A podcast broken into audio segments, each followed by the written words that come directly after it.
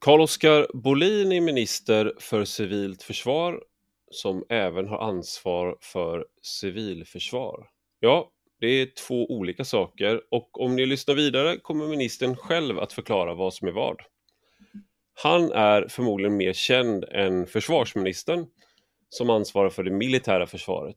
Men båda delar på försvarsdepartementet där intervjun också spelades in. Och på väggen i rummet där vi satt så hängde det dolkar, vilket kändes oerhört passande. Och Carl-Oskar Bolin höll ett mycket uppmärksammat tal på Folk och Försvar i Sälen tidigare i år som fick många att reagera. Bland annat ökade antalet ansökningar till de frivilliga försvarsorganisationerna såsom Hemvärnet. Andra ansåg att talet var alarmistiskt, att Bolin skrämde barn och försämrade säkerhetsläget. Jag ska inte säga vad jag tycker om det senare resonemanget utan låter ministern själv svara på den kritiken i intervjun. Men nu till dagens gäst. Du lyssnar på Rak Höger med mig, Ivar Arpi.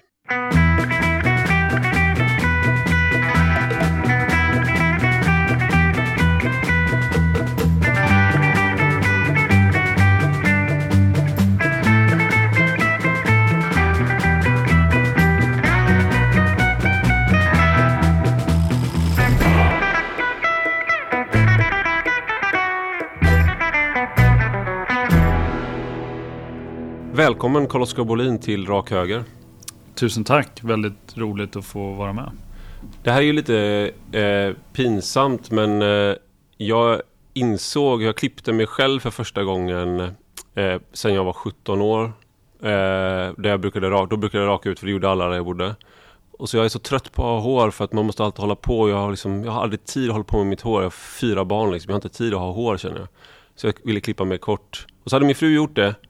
Eh, men jag klippte mig mycket, jag trodde att jag visste vilka inställningar hon hade på trimmen, men jag klippte mig otroligt mycket kortare än vad hon gjorde. Och då inser jag att jag gjorde det här precis innan jag skulle träffa dig.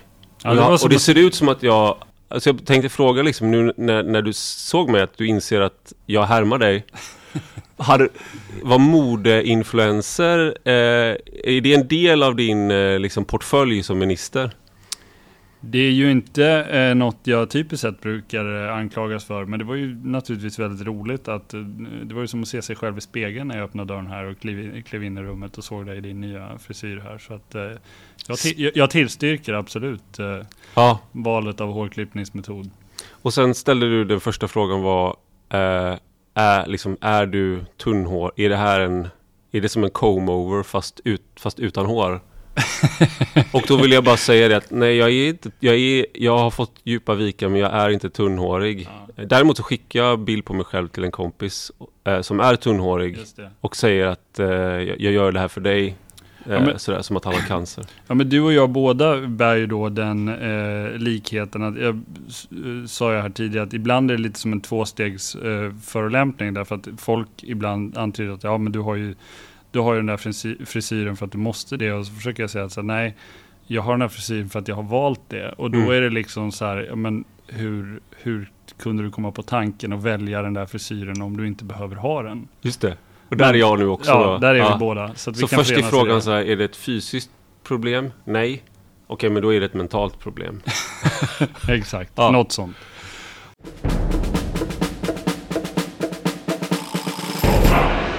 Okej, okay, vi, nu går vi vidare från eh, Blondin Ivars betraktelser till... Eh, eh, jag tänkte, du, det här är inte det du är minister för, men någonting som har varit väldigt debatterat de senaste dagarna, eh, nu är det väl en vecka, det var Magdalena Andersson som först eh, på en intervju, i en intervju med, med DN eh, liksom tog upp eh, den borgerliga samhällsdebattören eller liberala samhällsdebattören Henrik Jönsson. Så här, vem är det som finansierar honom och började ja, eh, antyda att han kanske eh, blir sponsrad av några skumma intressen och sådär. Och det här ledde till mycket starka reaktioner och du reagerade också på det. Vad var det du reagerade på med det? Nej, men, det är klart att det är på det sättet att jag har eh, väsentligen bättre bättre saker för mig om dagarna än att, än att eh, i, i eh, tid och otid recensera Magdalena Andersson. Däremot så kände jag att det var angeläget att göra ett, ett par markeringar här de senaste dagarna. Och det första var ju det då som kopplade till eh, till eh, Henrik Jönsson. Och det var ju med anledning av att Magdalena Andersson börjar i ett väldigt all allvarligt ämne, nämligen eh, påverkansoperationer mot Sverige som drivs av främmande makt som till del kan vara ett, ett eh, reellt hot mot eh, liksom vår gemensamma värderingsbas, vår demokrati, eh, som naturligtvis är skör för den här typen av påverkan. Men när det sen då visade sig att, eh, eller framstod i vart fall som att, att eh, angelägenheten, eh, hennes angelägenhet kring de här problemen visade sig bara vara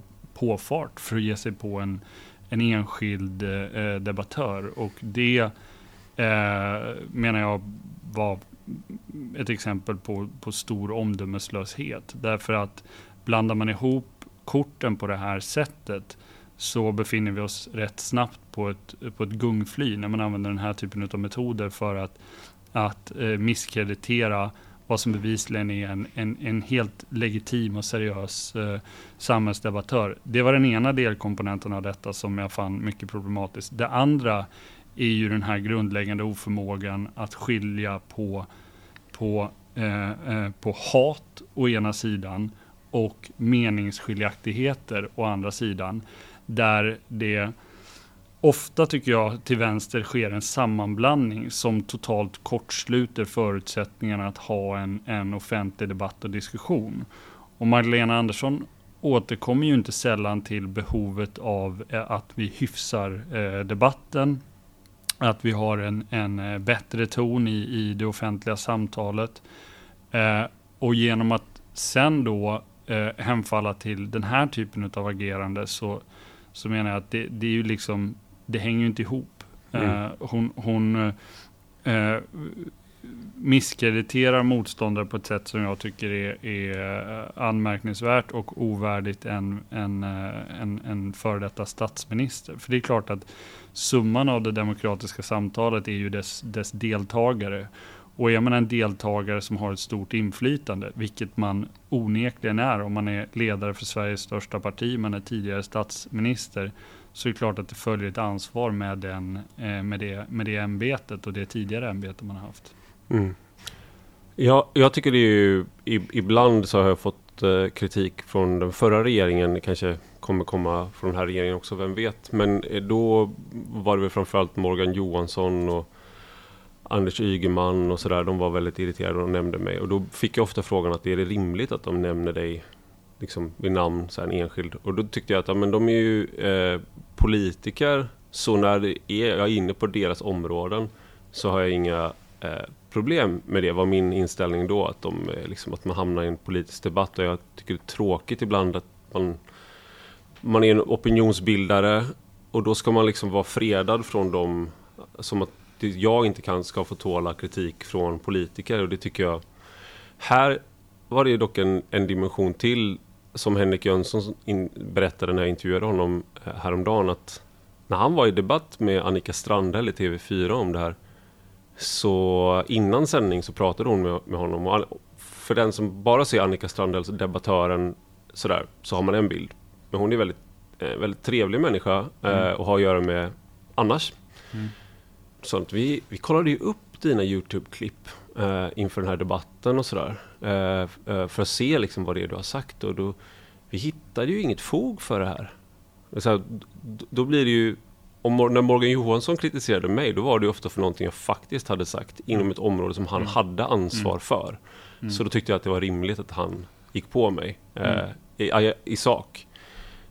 I det här fallet så var det som att det var ett namn som bara flög in i huvudet och sen så har de bara fortsatt att nu sa Tobias Baudin vi ska kolla, se över lagstiftningen över med det här. Eh, ja, det, det, är ju det verkligt bekymmersamma, alltså det som har hänt i, i kölvattnet. Nu vet inte jag om de har, har eh, preciserat det på, på, något, eh, på något sätt, men det är ju en ganska oerhörd sak att säga att man överväger att titta på, på hur lagstiftningen ser ut. Därför att eh, man har stött på en person som man då upplever som misshaglig eftersom det är en person som har an, liksom avvikande uppfattningar i förhållande till Socialdemokraterna. och torgför dem på ett förhållandevis framgångsrikt, eh, framgångsrikt sätt. Och det här illustrerar ju också, tycker jag, alltså den bristande logiken i det man, man anför. Å ena sidan så säger man då att det här är en person som, som, som sprider som sprider hatretorik och hatpropaganda. Å andra sidan har man inte tittat på vederbörande innan man... man alltså det, det, det, det är inte konsistent eh, för fem öre. Och jag, eh, jag tror och hoppas att eh, man ändå, även om man naturligtvis inte skulle erkänna det i, i det offentliga samtalet, har lärt sig någonting utav detta givet det faktum att den här gången har det också kommit ett gensvar från, från vänster. Eh, och det, det var nog inte obetydligt för hur det här sen kan komma att, att, att falla ut. Där man säger att okej, okay, det här var kanske inte det här var kanske inte det mest begåvade att göra. Men, men mm. det, juryn är väl ute kring hur, hur, vad, vad som sker i kölvattnet utav detta.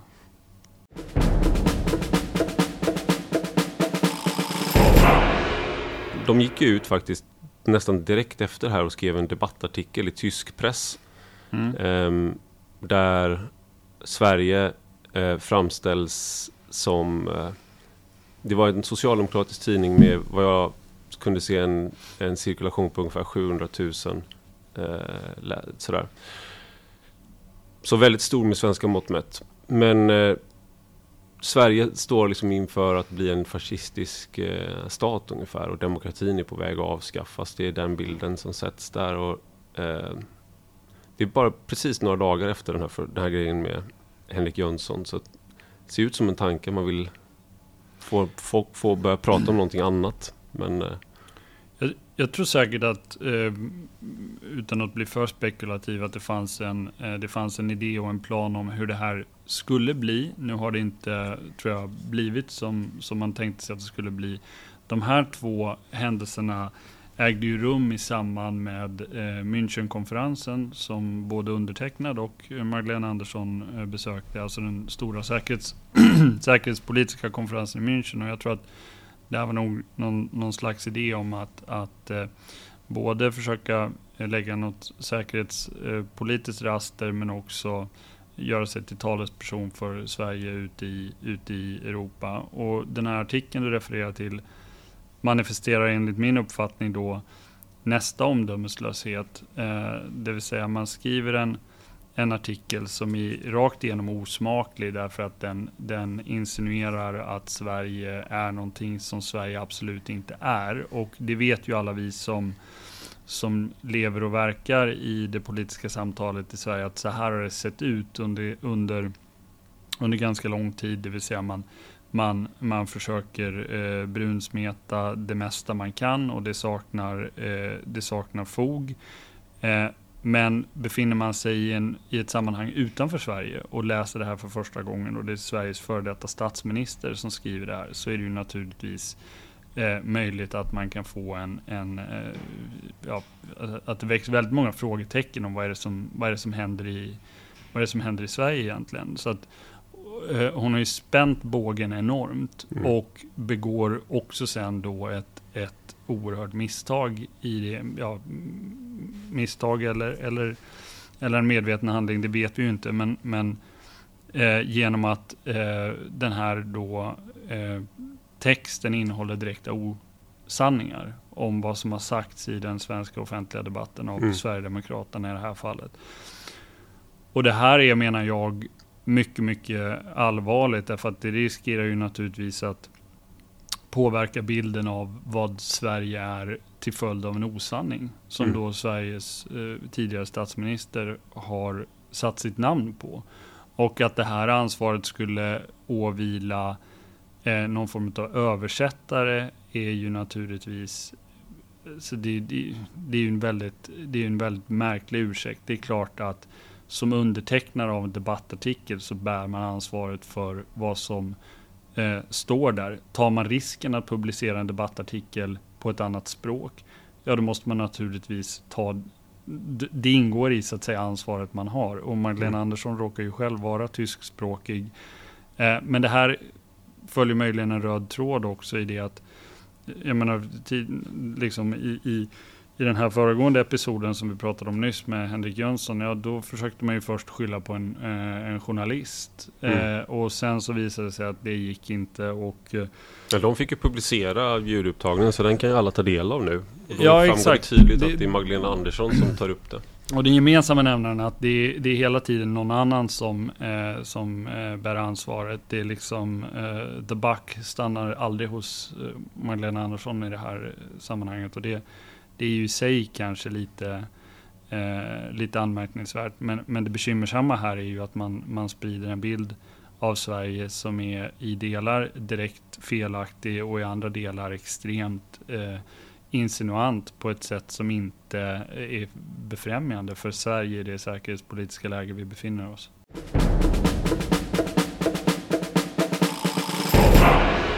Tänkte vi ska gå vidare till det. Du är ju inte minister för Magdalena Andersson-frågor utan för eh, minister för civilt försvar.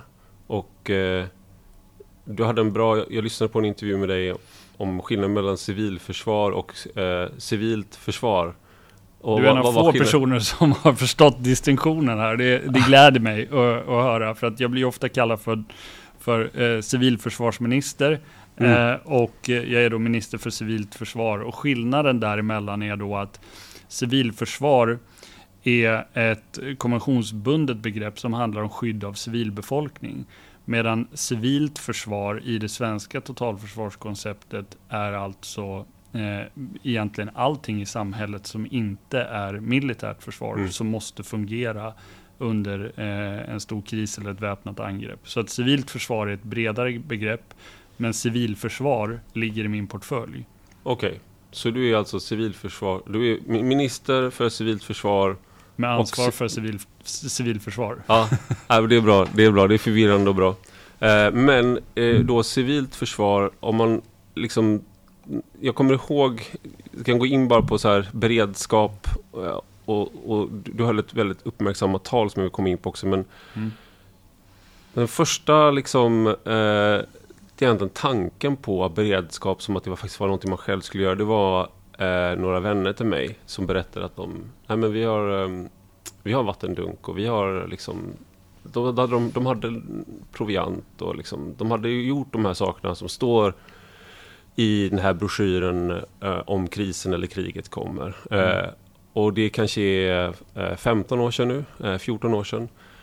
Och jag kommer ihåg att det här var ett samtalsämne som jag tog upp med andra människor för att liksom håna dem lite bakom ryggen. Vilket ju säger någonting om min personlighet också. Uh, men just att det här, de var lite galna. Mm. De var mm. nästan så här uh, konspirationsteoretiker eller så ja. paranoida. Ja.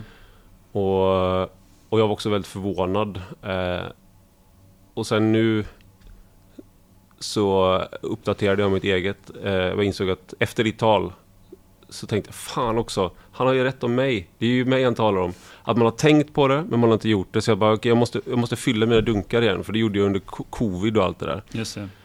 Så fyllde jag på dunkarna och sen bokstavligt talat eh, 12 timmar senare på morgonen så slutade vattnet att fungera. Så då fick vi användning av mina dunkar och jag kunde ge liksom till grannen och jag var så... Var så alltså jag, var, jag var verkligen en överlevnadsexpert plötsligt. som hade tagit mitt ansvar. Ja. Så du, du, jag ska inte säga att du räddade, ditt tal räddade mitt liv för att vattnet kom tillbaka inom ett dygn. Ja. Men jag var i alla fall mindre törstig och mina barn också. Så, ja. så. Men, men just den här tanken om att, att det är liksom fånigt eller att det är Ja, ja, det vore väl bra, men att man att sen ta steg, man känner sig lite galen och sådär. Är det här någonting som du eh, stöter på då? Eller är det här, liksom, vad säger det, den attityden? Finns den kvar eller? Ja. Eh, det, det, är klart att den säkert fortfarande gör det eh, till del, men jag skulle säga att nu är det väl inte på samma sätt eh, eh, socialt acceptabelt att göra sig lustig över så här grundläggande hemberedskap. Men vi kommer ju precis som du säger ifrån en, en eh, situation och en tillvaro där eh, ja, prepping eller vad man nu ska kalla det betraktades som en subkultur fram till, till ganska nyligen. Och det är klart att det, det liksom det är en lång linjal här, man kan göra det på olika sätt. Eh, och, och, och hemberedskap är viktigt som en, som en grundläggande komponent av samhällelig motståndskraft.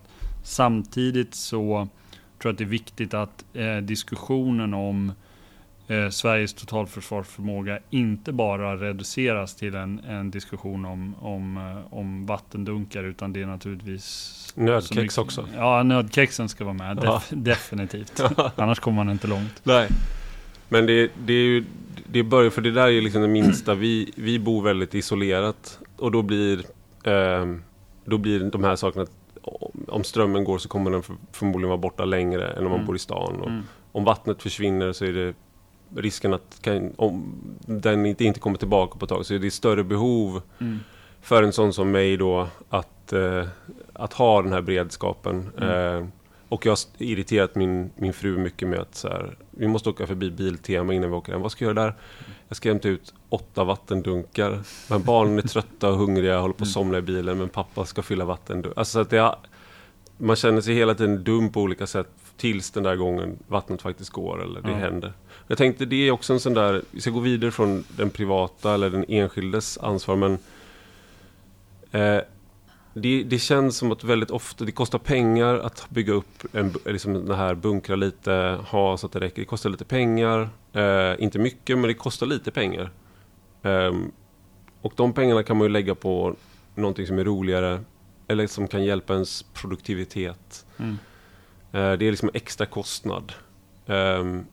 Så på det sättet ser det liksom vid varje givet tillfälle irrationellt i någon mån att förbereda sig. Eh, Nu fick jag direkt återkoppling då på min att jag fyllde Mm. dunken. Så Mm. det gav den här belöningskänslan att jag är Mm. smart. Mm. Annars så får man sällan den här... Eh, det kan dröja väldigt länge och förhoppningsvis så sker ingenting så du behöver aldrig... Och då känner du dig liksom... Du, på ett sätt ser du irrationellt för du, de här resurserna hade kunnat gå till någonting annat. Jag undrar, är det... Går det att överföra till eh, nationell nivå också? Att det är, det är någon som har... Det var någon som var positiv till försvar som sa att det ändå är lek till stor del. Försvar är... Alltså tills det skarpa läget så är försvarsförberedelser, det är liksom en avancerad lek. Men om du inte gör det när det händer någonting så kommer du vara väldigt oförberedd. Eh, och de här resurserna som man lägger på försvar, civil, civilt försvar, det är alltid i någon mån irrationellt. För du hade kunnat lägga det på andra saker och hoppas på det bästa. Jag vet inte, är det ett resonemang som... Eh, hur, hur ser du på det resonemanget? Nej, nej men eh, jag skulle absolut inte använda begreppet irrationellt utan eh, det handlar ju om hur man eh, på samhällelig nivå väljer att mitigera risk. Eh, varför har du en hemförsäkring? Ja, det är ju för att du vill, du vill, du vill mitigera risken för det sämsta utfallsrummet. Mm. Du kanske inte tecknar din hemförsäkring för att du eh, tänker att det här ska jag ha när min diskmaskin pajar och få ut någon tusenlapp. Utan du vill ha den mot att, att kunna hantera den eventualitet att din, ditt hus brinner ner. Mm. Ehm, och eh, på samma sätt är det naturligtvis med eh, totalförsvaret i Sverige. Det är ju vår försäkring mot det existentiella hotet. Och det här är ju ett perspektivskifte som eh, just nu behöver ske i det svenska samhället och som jag då försöker bidra till både genom min strategiska kommunikation men också genom det vi i akt och mening gör på försvarsdepartementet. Eh, nämligen att, att konstatera att vi har gått från en situation där vi under kanske 25-30 års tid har vi haft de fredstida kriserna som den dimensionerande hotbilden mot det svenska samhället, naturolyckor av olika slag. Medan det nu är det väpnade angreppet, det vill säga antagonisten som vill på ett eller annat sätt eh, kuva eller förstöra eh, den svenska staten så som vi känner den eller undertvinga oss eller eh, betvinga oss med någon typ av lydnadsförhållanden eller vad det nu kan vara. Och det ställer helt andra anspråk på det svenska samhället, både det som görs i den offentliga förvaltningen men också naturligtvis ytterst på den enskilda individen. Jag brukar ibland säga att den, fred, den fredstida krishanteringen handlar som koncept om att rädda individen från krisen. Från det som är eh, jobbigt eller svårt eller sk- skapar ekonomiska eller, eller materiella eh, skador på, på liv och egendom.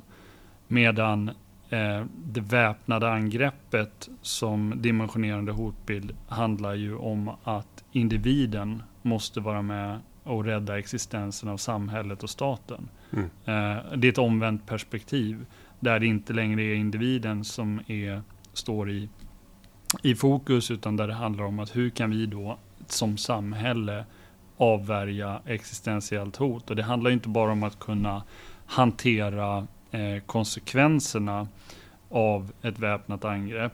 Utan det handlar också om att bygga eh, en tröskel för en potentiell eh, angripare. Det vill säga att en potentiell angripare känner att det, det är inte värt detta. Och här eh, försvinner ju då analogin med, med hemförsäkringen. Därför att eh, huruvida du har en hemförsäkring eller inte är inte utslagsgivande för om ditt, ditt hus eh, brinner ner. Men i det här fallet så kan ju också hemförsäkringen bidra till en avhållande eh, faktor. Det vill säga eh, att vi visar en sådan styrka som samhälle att en antagonist känner att det är liksom inte värt att ge sig på Sverige. Mm. Och det är ju naturligtvis syftet med det vi ägnar oss åt. Det är, en, eh, o, det är ovant att tänka, men jag är ju född 82 och eh, nu ska, jag, ska man kolla upp sånt innan man intervjuar Jag kommer inte ihåg när du är, är född, men jag tror att det är något där i faggorna. 86. 86. Och då, liksom när, de som gjorde värnplikten som jag kände, de var mm. väldigt motiverade och mm. tyckte att det var kul. Mm. Ville bli jägarsoldater, blev jägarsoldater. Så var det någon som blev något annat. Det var någon, en kompis som hamnade i någon tross någonstans. Han mm. hade inte så kul. Mm. Eh, han var inte så motiverad heller. Men jag sa bara, jag har ingen lust mm. ungefär. Mm. Och så slapp jag. Mm. Och det där har jag på ett sätt ångrat sedan dess. Mm. Sådär. Särskilt nu då när man eh, kollar upp vad man kan göra. Eh, och man inser att jag har inte den grundläggande utbildningen och det tar för lång tid att skaffa, Nej. tycker jag. Um, men det här perspektivförändringen, det som man har hört också är ju att om vi rustar upp, eh, mm. eh, om, vi, om vi gör de här sakerna, det är i sig hotfullt mot eh, omvärlden. Det här är ett perspektiv jag har hört eh, när man har varit och när, man, när jag pluggade och man träffade freds och folk som läser freds och konfliktkunskap och eh, man hade någon föreläsare som eh, vet inte, har varit i, i Ryssland för länge kanske. Men just det här perspektivet att om vi rustar upp, då uppfattar ju Ryssland det som hotfullt till exempel, eller någon annan. Och att vi, om vi gör de här sakerna, det bättre är att vi i så fall, istället för att utbilda nya soldater, utbildar vi nya diplomater. Jag tror det var Stina Oskarsson som föreslog det där. Eh, och istället, eh, istället för att intensifiera våra liksom, försvarsförberedelser så borde vi liksom, intensifiera våra liksom, insatser på fredsområdet med samma resurser. Ehm, men finns det någonting i det här med att om vi, om vi rustar upp så blir vi mer hotfulla och då ökar vi också risken för oss själva? Jag köper ju som du säkert förstår inte det resonemanget och jag tror att alla de som historiskt har eh, så att säga, förfäktat den linjen har väl egentligen fått se sig eh, motbevisade av det som till exempel har hänt i, i eh, Ukraina. Där det är helt uppenbart så att, att eh, eh Ryssland har inte dragit sig för att använda militära maktmedel för att betvinga vad man uppfattar som en svagare part. Och det man möjligen blev förvånad över var då att Ukraina inte visade sig vara en en svagare part. Bland annat som en konsekvens av den enorma kampvilja som har, har funnits i, i, i Ukraina. Och det är ju ett illustrativt exempel för hur ett land som eh, ställs inför ett existentiellt hot också kan uppbringa oanade, oanade styrkor eller på förhand oanade styrkor. Så att hela den här idén om att vi eh, genom att ta ansvar för att säkerställa att eh, den svenska staten kan leva vidare, att vi står upp för eh, den värderingsgemenskap som bygger Sverige starkt och säger att vi är beredda att försvara den, att det skulle vara hotdrivande. Det är ju, det är ju ett, ett, eh, ett, eh, liksom direkt ryskt påverkansnarrativ. Det ligger naturligtvis ingenting i den saken. Ja, trevligt att jag tog upp det. Då är jag, jag är den här påverkan. Så Magdalena Andersson borde ha nämnt mig istället. Exakt. Henrik Jönsson. Exakt. Ja. Nej, mina, mina anklagelser riktar sig som du förstår inte mot dig. Nej, nej. Mot, och, och, och jag säger så här, det finns naturligtvis människor som, som genuint eh, eh, tror på det här och som inte Mm. har läst det på en eh, eh, telegramkanal. Och jag vill bara eh, konstatera att jag, liksom, det är ju eh, det är en, en uppfattning som jag menar inte håller mot, mot prövning i verkligheten. Därför att det vi har sett då är att, att Ryssland är beredda att exploatera svaghet i, eh, eller det man uppfattar som svaghet i omkringliggande länder. Det vill säga Mm. deras idé har inte, eh, den håller inte mot verkligheten. Ukraina har aldrig agerat konfrontativt mot eh, Ryssland. Man har däremot valt eh, sin egen säkerhetspolitiska väg. Man har valt att orientera sig mot, eh, mot väst och det har inte accepterats utav Mm. eh, Ryssland. Och sen så har man, har man använt militärt eh, eh, maktspråk för att försöka eh, inlämna Ukraina i sin egen intressesfär. Mm. Och det är naturligtvis helt, helt eh, oacceptabelt och folk, folkrättsvidrigt. Var, ehm, jag, jag hade praktik på UD 2008 vid Georgienkrisen. Och eh, det var ett sånt uppvaknande för min del. Eh, Och Mm. jämfört med det jag hade pluggat då. Mm. Där de perspektiven. Mm. Och då kommer jag ihåg att de, liksom, de tjänstemännen som satt på UD på Rysslandsgruppen då i alla fall. De Mm. hade en väldigt klar med, eh, liksom, med tanke på det som har skett sedan dess. Ja. Eh, så fick, hade de rätt. De hade rätt analys av Ryssland och deras avsikter. Men det var ett bryskt uppvakning. Jag hade något resonemang då, kommer jag ihåg, och så blev jag rättad av liksom en, av, en av tjänstemännen som förklarade. Nej, det här du säger nu, så här ligger det till. Mm. Rys, Ryssland, det är så här de ser på världen. Och nu känner vi alla till hur de ser på världen med intressesfärer och vad de anser sig ha rätt till och sådär. Mm. En annan sak då, ditt, ditt, ditt, tal eh, i Sälen på Folk och Försvar fick ju, det blev eh, viralt. Eh, och då går ju in i det här med att du är modeinfluencer också då. Att du, du strävar efter att bli viral. Nej men det du sa då, som, som många reagerade på var det kan bli krig i Sverige. Mm. Hur föll det ut tycker du, det här talet och det, det uttalandet? Eh, jag brukar ibland få frågan, eh, var det här någonting nytt? Eh, och svaret på den frågan är eh, både ja och nej. Nej så tillvida att försvarsberedningen ända sedan 2017 har sagt att ett väpnat angrepp mot Sverige kan inte, kan inte uteslutas. Och det betyder ju motsatsvis att det kan bli krig. Mm. Det är bara den rent, den rent semantiska betydelsen utav detta. Ja så tillvida att eh, sen den här regeringen trädde till, vi i den första regeringsförklaringen så beskrevs det säkerhetspolitiska läget som ett av de sämsta sedan andra världskrigets slut. Därefter har försvarsberedningen stadfäst den uppfattningen i åtta partiers enighet säger att det här är det värsta säkerhetspolitiska läget, det sämsta säkerhetspolitiska läget sedan andra världskrigets slut. Och det vi har sett då är ju en fortsatt försämring av det säkerhetspolitiska läget under det gångna året med fler eh, riskfaktorer. Vi har spänningarna i den sydkinesiska sjön. Vi har, eh, vi har eh, eh konflikten i Mellanöstern efter, efter eh, det brutala terrordådet som Hamas genomförde. Eh, vi har en lång rad faktorer och bland annat ett, ett eh, jag ska inte säga vikande, men frågetecken kring det västliga stödet till Ukraina som naturligtvis skapar eh, riskfaktorer också i den konflikten. Vi har ett storkrig i vårt närområde. Mm. Så att läget är allvarligt.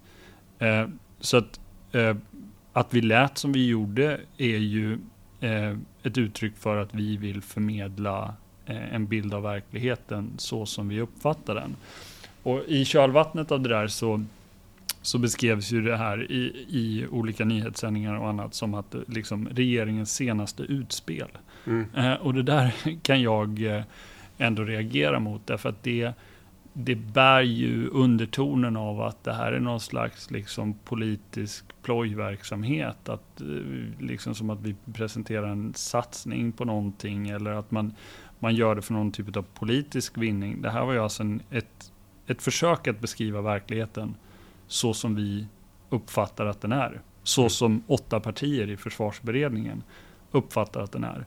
Den verkligt stora nyheten hade ju varit om vi å ena sidan säger att eh, eh det här är det sämsta säkerhetspolitiska läget sedan andra världskrigets slut. Alltså sämre än under kalla krigets kallaste eller varmaste dagar, beroende på hur man, mm. hur man uttrycker sig.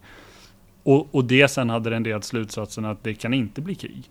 Det finns 0% risk att, att Sverige dras in i en väpnad konflikt. Det hade ju varit möjligen en, en ganska häpnadsväckande mm. eh, slutsats. Eh, men men eh, jag tycker nog att den debatt som följde efter det här talet eller talen, det var ju inte eh, bara jag som uttryckte mig längs de här eh, linjerna uppe i Sälen. Den debatt som följde illustrerar nog varför det som sades också behövde sägas. Mm. En, eh, det är lite som det här ehm, eh, när du, det du sa var inte nytt, men eh, det var, det var innan första världskriget så var det En en militärstrategiker i Tyskland som myntade något uttryck som var alla har en plan tills man stöter på fiendens huvudstyrka. Mm. Något sånt där. Det är alla, det var längre citat. Mm. Sen har det förkortats och förkortats uh, tills Mike Tyson sa Everybody has a plan until they get punched in the face. Men det är samma Och det är det det känns som sen. Det är, de, ingen kommer ihåg von Moltkes, tror jag det var, Nej. hans ursprungliga citat. Så är det lite med försvarsberedningens uttalande att vi kan inte utesluta ett väpnat angrepp. Okej, det kan bli krig i Sverige. Det är, innehållet är detsamma. Just det. Men du är, du är då Mike Tyson i det här exemplet då. Eh, men jag tänker en annan sak som jag undrade över där är rent kanske semantisk, men det är krig. Man har, vi har vår mentala för, människors mentala föreställning om vad krig är kanske också ställer till det lite. Mm. För att ett väpnat angrepp så har man en bild. Mm. Krig så är det så mycket historia och eh, mm. film och mm. böcker och mm. så jag tänkte ändå bara ställa en så grundläggande fråga. Vad är, hur definierar du krig? Vad är, liksom, hur ska vi tänka på vad det kan vara? Jag, jag, det, det, är klart att, eh, precis som du säger, så har krig som begrepp en kanske en annan eh, resonansbotten än, än väpnat angrepp. Eh, det handlar egentligen inte om att, att eh, föra tankarna till ett specifikt scenario, utan bara eh, försöka ge bilden av att, att det här finns i det potentiella utfallsrummet. Det vill säga risken för ett, ett väpnat angrepp. Och det går inte det går inte att med precision säga vad, vad det innebär eh, det moderna kriget eftersom det är en, liksom, det är en väldigt hypotetisk eh, eh, det är en hypotetisk situation. Det vi kan konstatera är ju att det var många som under väldigt lång tid levde i tron och uppfattningen att vi aldrig eh, skulle få se ett storskaligt anfallskrig på den europeiska kontinenten igen. Eh, och alla de som gjorde det antagandet eh, fick tyvärr fel. Mm. Eh, därför att det var vad som hände efter eh, den, eller det var det som hände den, den eh, 24 februari 2022 i, i Ukraina. Och detta då Eh, till trots att vi hade sett en mycket stor eh, rysk truppuppbyggnad runt omkring Ukraina, till trots att eh, Ryssland och Ukraina hade varit i väpnad konflikt sedan, sedan 2000, eh, 2014. Eh, om jag inte är fel underrättad så är det väl eh, den här 9-11 commission som pratar om att det var liksom lack of imagination som som ledde till att man, man, hade ett antal datapunkter på förhand som gav mm. vid handen att hade man bara liksom lyckats pussla ihop det här så hade man kanske kunnat se det här, se det här komma, för att använda mm. ett, ett, eh, svenskt uttryck. Och det är väl, det är väl lite det det här eh, talet handlar om, att vi behöver, vi behöver förstå att, att vi har alltså en, en, eh, en eh, potentiell utfallsram som innehåller fler negativa, väldigt dåliga utfallsrum för Sverige än tidigare. Och jag var ju då, i, som jag nämnde, i helgen på den här eh, säkerhetspolitiska Münchenkonferensen. Eh, och det var ju inte i alla delar en upplyftande tillställning. Därför att jag, fick näst, jag var där förra året eh, också. Jag fick nästan i år känslan att det, man liksom, det, det håller på att liksom driva in i lite gamla hjulspår igen. Att man känner att ja, nej men det här kan inte liksom sprida sig. Det kan inte komma till till Europa. Man, den här sense of urgency som, som eh, är ju då en, en vad heter det, anglofering av vårt samtal här. Men mm. vad, vad, ska man säga, alltså känsla, allvars, mm. känsla för allvarssituationen, eh, för att det är allvarstid. Den, obs, obs, brådskande. Ja, exakt så. Och den, den känslan tyckte jag var mindre påtaglig i mm. delar. Och Zelensky som var där eh, fysiskt i år, han satt ju och sa det att eh, vi var inte beredda 2014. Eh, och det var därför annexeringen av Krim och östra Ukraina kunde hända. Men vi har fått kämpa för att bli beredda även under den här åttaårsperioden som har följt. Mm. Bevisligen har ju Ukraina lyckats göra sin hemläxa. Men hans väldigt tydliga medskick till alla som satt i den här publiken, som ju då huv huvudsakligen var europeiska företrädare, men även amerikanska, var ju, ni är inte beredda. Ni har fortfarande inte internaliserat vad det här innebär för er mm. vidkommande. Ni har inte vidtagit de åtgärder som krävs ifall den här konflikten skulle eh, eskalera. Och en väldigt stor del tror jag handlar om eh, mental medvetenhet om att vad, vad, är det som, vad är det som ligger i, i korten här? Och det måste man ju då försöka säga utan att låta alarmistisk. Eh, min ambition har aldrig varit att eh, låta eh, alarmistisk eller att skrämma någon, men bara ställa på bordet att det här är så vi uppfattar situationen och det kräver, det, det, gör ett stort anspråk på alla mm. oss. Jag tycker det där med alarmism är ett ord som det är väldigt effektivt att ta upp. Och det, kan, det finns den här filmen med Leonardo DiCaprio bland annat och tror det är Meryl Streep och hon är president och det är en komet som kommer och Just sådär. Mm. Don't look up eller vad det är. Mm. Och de börjar diskutera liksom, det, det är såklart en metafor för klimatfrågan eh, mm. men det kan funka lika bra för andra frågor. Just det här att det första de reagerar på är hur kan man använda det här politiskt. Liksom. Och då är det ju mm. så här att den som varnar för en sak lätt framstår som en alarmist. Mm. Och det, det, var också en kritik du fick var barnen blir rädda. Mm. Det var ÖB fick den. Eh, han sa, han talade i liknande termer, jag kommer inte ihåg exakta mm. ordalydelsen, mm. men det var så Ö, ÖB och eh, liksom Carl-Oskar Bolin, varför skrämmer ni barn? Mm. Och du, varför skrämmer du barn? Ja, eh, det, det är en mycket bra fråga. Nej, men då tror jag att man behöver, för i, i, i den diskussionen så som den förs, så är det ju då som om eh, att skrämma någon, det är det värsta som kan hända.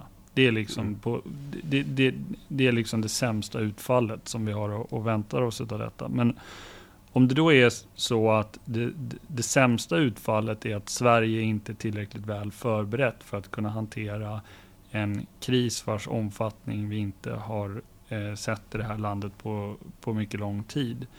Så, så är det ju naturligtvis inte önskvärt att människor blir, eh, blir, blir rädda. Men om det tar oss ett steg närmare att vara bättre förberedda mm. så, så, så får det kanske vara en, liksom, på marginalen en sido, sidoeffekt. Det har aldrig varit mitt syfte och det har inte heller varit ÖBs syfte att att eh, skrämma någon. Men det är inte riktigt, man måste också fundera på vad, vad, vad har vi för förväntansbild på våra, på våra medborgare. Mm. Ja, när Sverige befinner sig i allvarstid så eh, bör vi med rätta ha en högre förväntansbild på våra medborgare än tidigare. Och då bör man nog kunna hantera eh, den här typen av tal. Det, det, det som jag ser det, det, det mindre av problemen i sammanhanget. Och det, det var ett, en sak som jag tyckte var väldigt uppfriskande och som jag, eh, där jag ofta, jag vet inte om det, är en, om det är kulturellt som jag känner mig missanpassad här, men att eh, saker är väldigt inlindat väldigt ofta. Och eh, det är inte det i alla kulturer. Men ibland människor kan prata rakt om vad det, saker och ting gäller utan att man blir utan att det är konstigt eller oartigt. Mm. Eh, just det här då du sa i talet att om du sitter i ledande befattning på en myndighet som, som eh, har, har, vissa, har, har ansvar i, i krigstid eller eh, sådär. Har, har du gjort förberedelserna? Börja, har du inte gjort det? Gör det nu. Och just den här känslan av att det är, det är inte någon annan som ska göra det. Eh, det jag, jag ska ändå säga att jag går ändå runt i mitt vardagliga liv och man har en sån här, man är på autopilot. Mm. Tills du inser att vissa saker måste du, som att fylla en vattendunk. Det kräver att man eh, drar sig ur sin eh, autopilot lite grann. Vad är ditt intryck av eh, liksom myndigheter, alltså det här, just de här delarna som ska funka som inte är Försvarsmakten? Alltså hur, hur väl har det här budskapet landat där och liksom förbereder sig? Blev det mer fart i det? Eller är, hur ser det ut? Jag tror att man... det här... Eh, anledningen till att jag uttryckte mig på det sättet är ju eh, för att jag är av den bestämda uppfattningen av att allt detta går eh, för långsamt och att vi har i Sverige inte... Vi, vi fakturerar inte tid som en risk eller som en kostnad. Därför att historiskt sett i vår eh, förvaltningstradition så har liksom pengar varit kostnaden. Tid, liksom man har kunnat göra saker på nästan oändlighetens eh, horisont. Eh, och det man då har bortsett ifrån i det här sammanhanget är ju att det är helt uppenbart på det sättet att det säkerhetspolitiska läget har över tid eh, förändrats snabbare i negativ riktning än vad vi har eh, sett en tillväxt i förmåga i totalförsvaret i Sverige. Jag brukar ibland eh, parafrasera den här Hemingway-romanen And the Sun Also Rises, när de två karaktärer pratar med varandra och den ena frågar den andra hur, eh, liksom, hur blev du pank? Hur gick du i konkurs? Eh, och eh, han svarar då gradually, then suddenly. Mm. Eh, och det illustrerar ju någonstans den säkerhetspolitiska utvecklingen som har varit då ända sedan du nämnde. Den börjar ju egentligen kanske en, en tydlig datapunkt är ju, är ju Putins tal på återigen sagda Münchenkonferens 2007. Och sen Georgienkriget 2008, den fullskaliga, eller den, den invasionen av annekt, annekteringen av Krim och östra Ukraina 2014. Det har liksom gradually över väldigt lång tid gått åt fel håll. Vi bestämde oss efter Krim-annexeringen eh, i Sverige för att eh, ja, det är dags att väcka liv i det totalförsvar vi eh, liksom bara la ner. Mm. Eh, och vi pratar ibland om neddragningen av det militära försvaret eh, som ett strategiskt misstag. Det var det. Vi måste då komma ihåg att vi la helt ner det civila försvaret. Eh, och då sa vi att ja, men det här ska återuppbyggas. Och sen dess har det passerat i tid mer än ett helt andra världskrig och vi är fortfarande i någon mån i, i startgroparna. Och det civila försvaret som organism är ju väldigt, den är ju allomfattande. Det är ju hela, det är ju hela samhället. Det är ju inte en lika tydlig eh, kommandokedja som det militära försvaret som i huvudsak består av en myndighet men med några kringmyndigheter. Och du, kan liksom ha, du har en rak eh, kedja av ordergivning när du ska implementera eh, beslut, eller rakare i, mm. i varje fall. Eh, och det det här då eh, syftar till är ju att förmedla att alla då som har en framskjuten position i arbetet med det civila försvaret måste förstå att eh, det här är en angelägen prioriterad uppgift. Och den här styrningen sker ju dels genom då eh, alltså de formella styrmedlen genom förordning och instruktioner och genom medelstilldelning i budget. Men Eh, det är ju en sån här, den här slitna management-klyschan om att kultur äter struktur, bla bla bla, till mm. frukost. Eh, som är så här, ja. Men det illustrerar ju att har du inte föregångsmannaskap på ledande positioner så kommer det inte gå tillräckligt snabbt. Mm. Har du inte människor som är beredda att testa sitt mandat till det yttersta. Jag brukar ju ibland säga att man har det mandat man tar sig till dess att någon tar det ifrån en. Jag tror mm. att det perspektivet måste genomsyra eh, det här arbetet. Så jag vänder ju mig till, i mitt tal då, till olika individer i kraft av deras roll som funktionärer mm. i det civila försvaret. Och eh, jag avslutar då med den enskilda individen som vi har pratat lite grann om, alltså hemberedskap, möjlighet att att engagera sig i frivilligorganisationer. Men tyngdpunkten ligger ju precis som du säger framförallt på de som har stora och viktiga uppgifter i, eh, på myndigheter, på beredskapsmyndigheter, i, i regioner, eh, eh, på politisk nivå och tjänstemannanivå. Och man måste förstå att det här är alltså inte fritt valt arbete.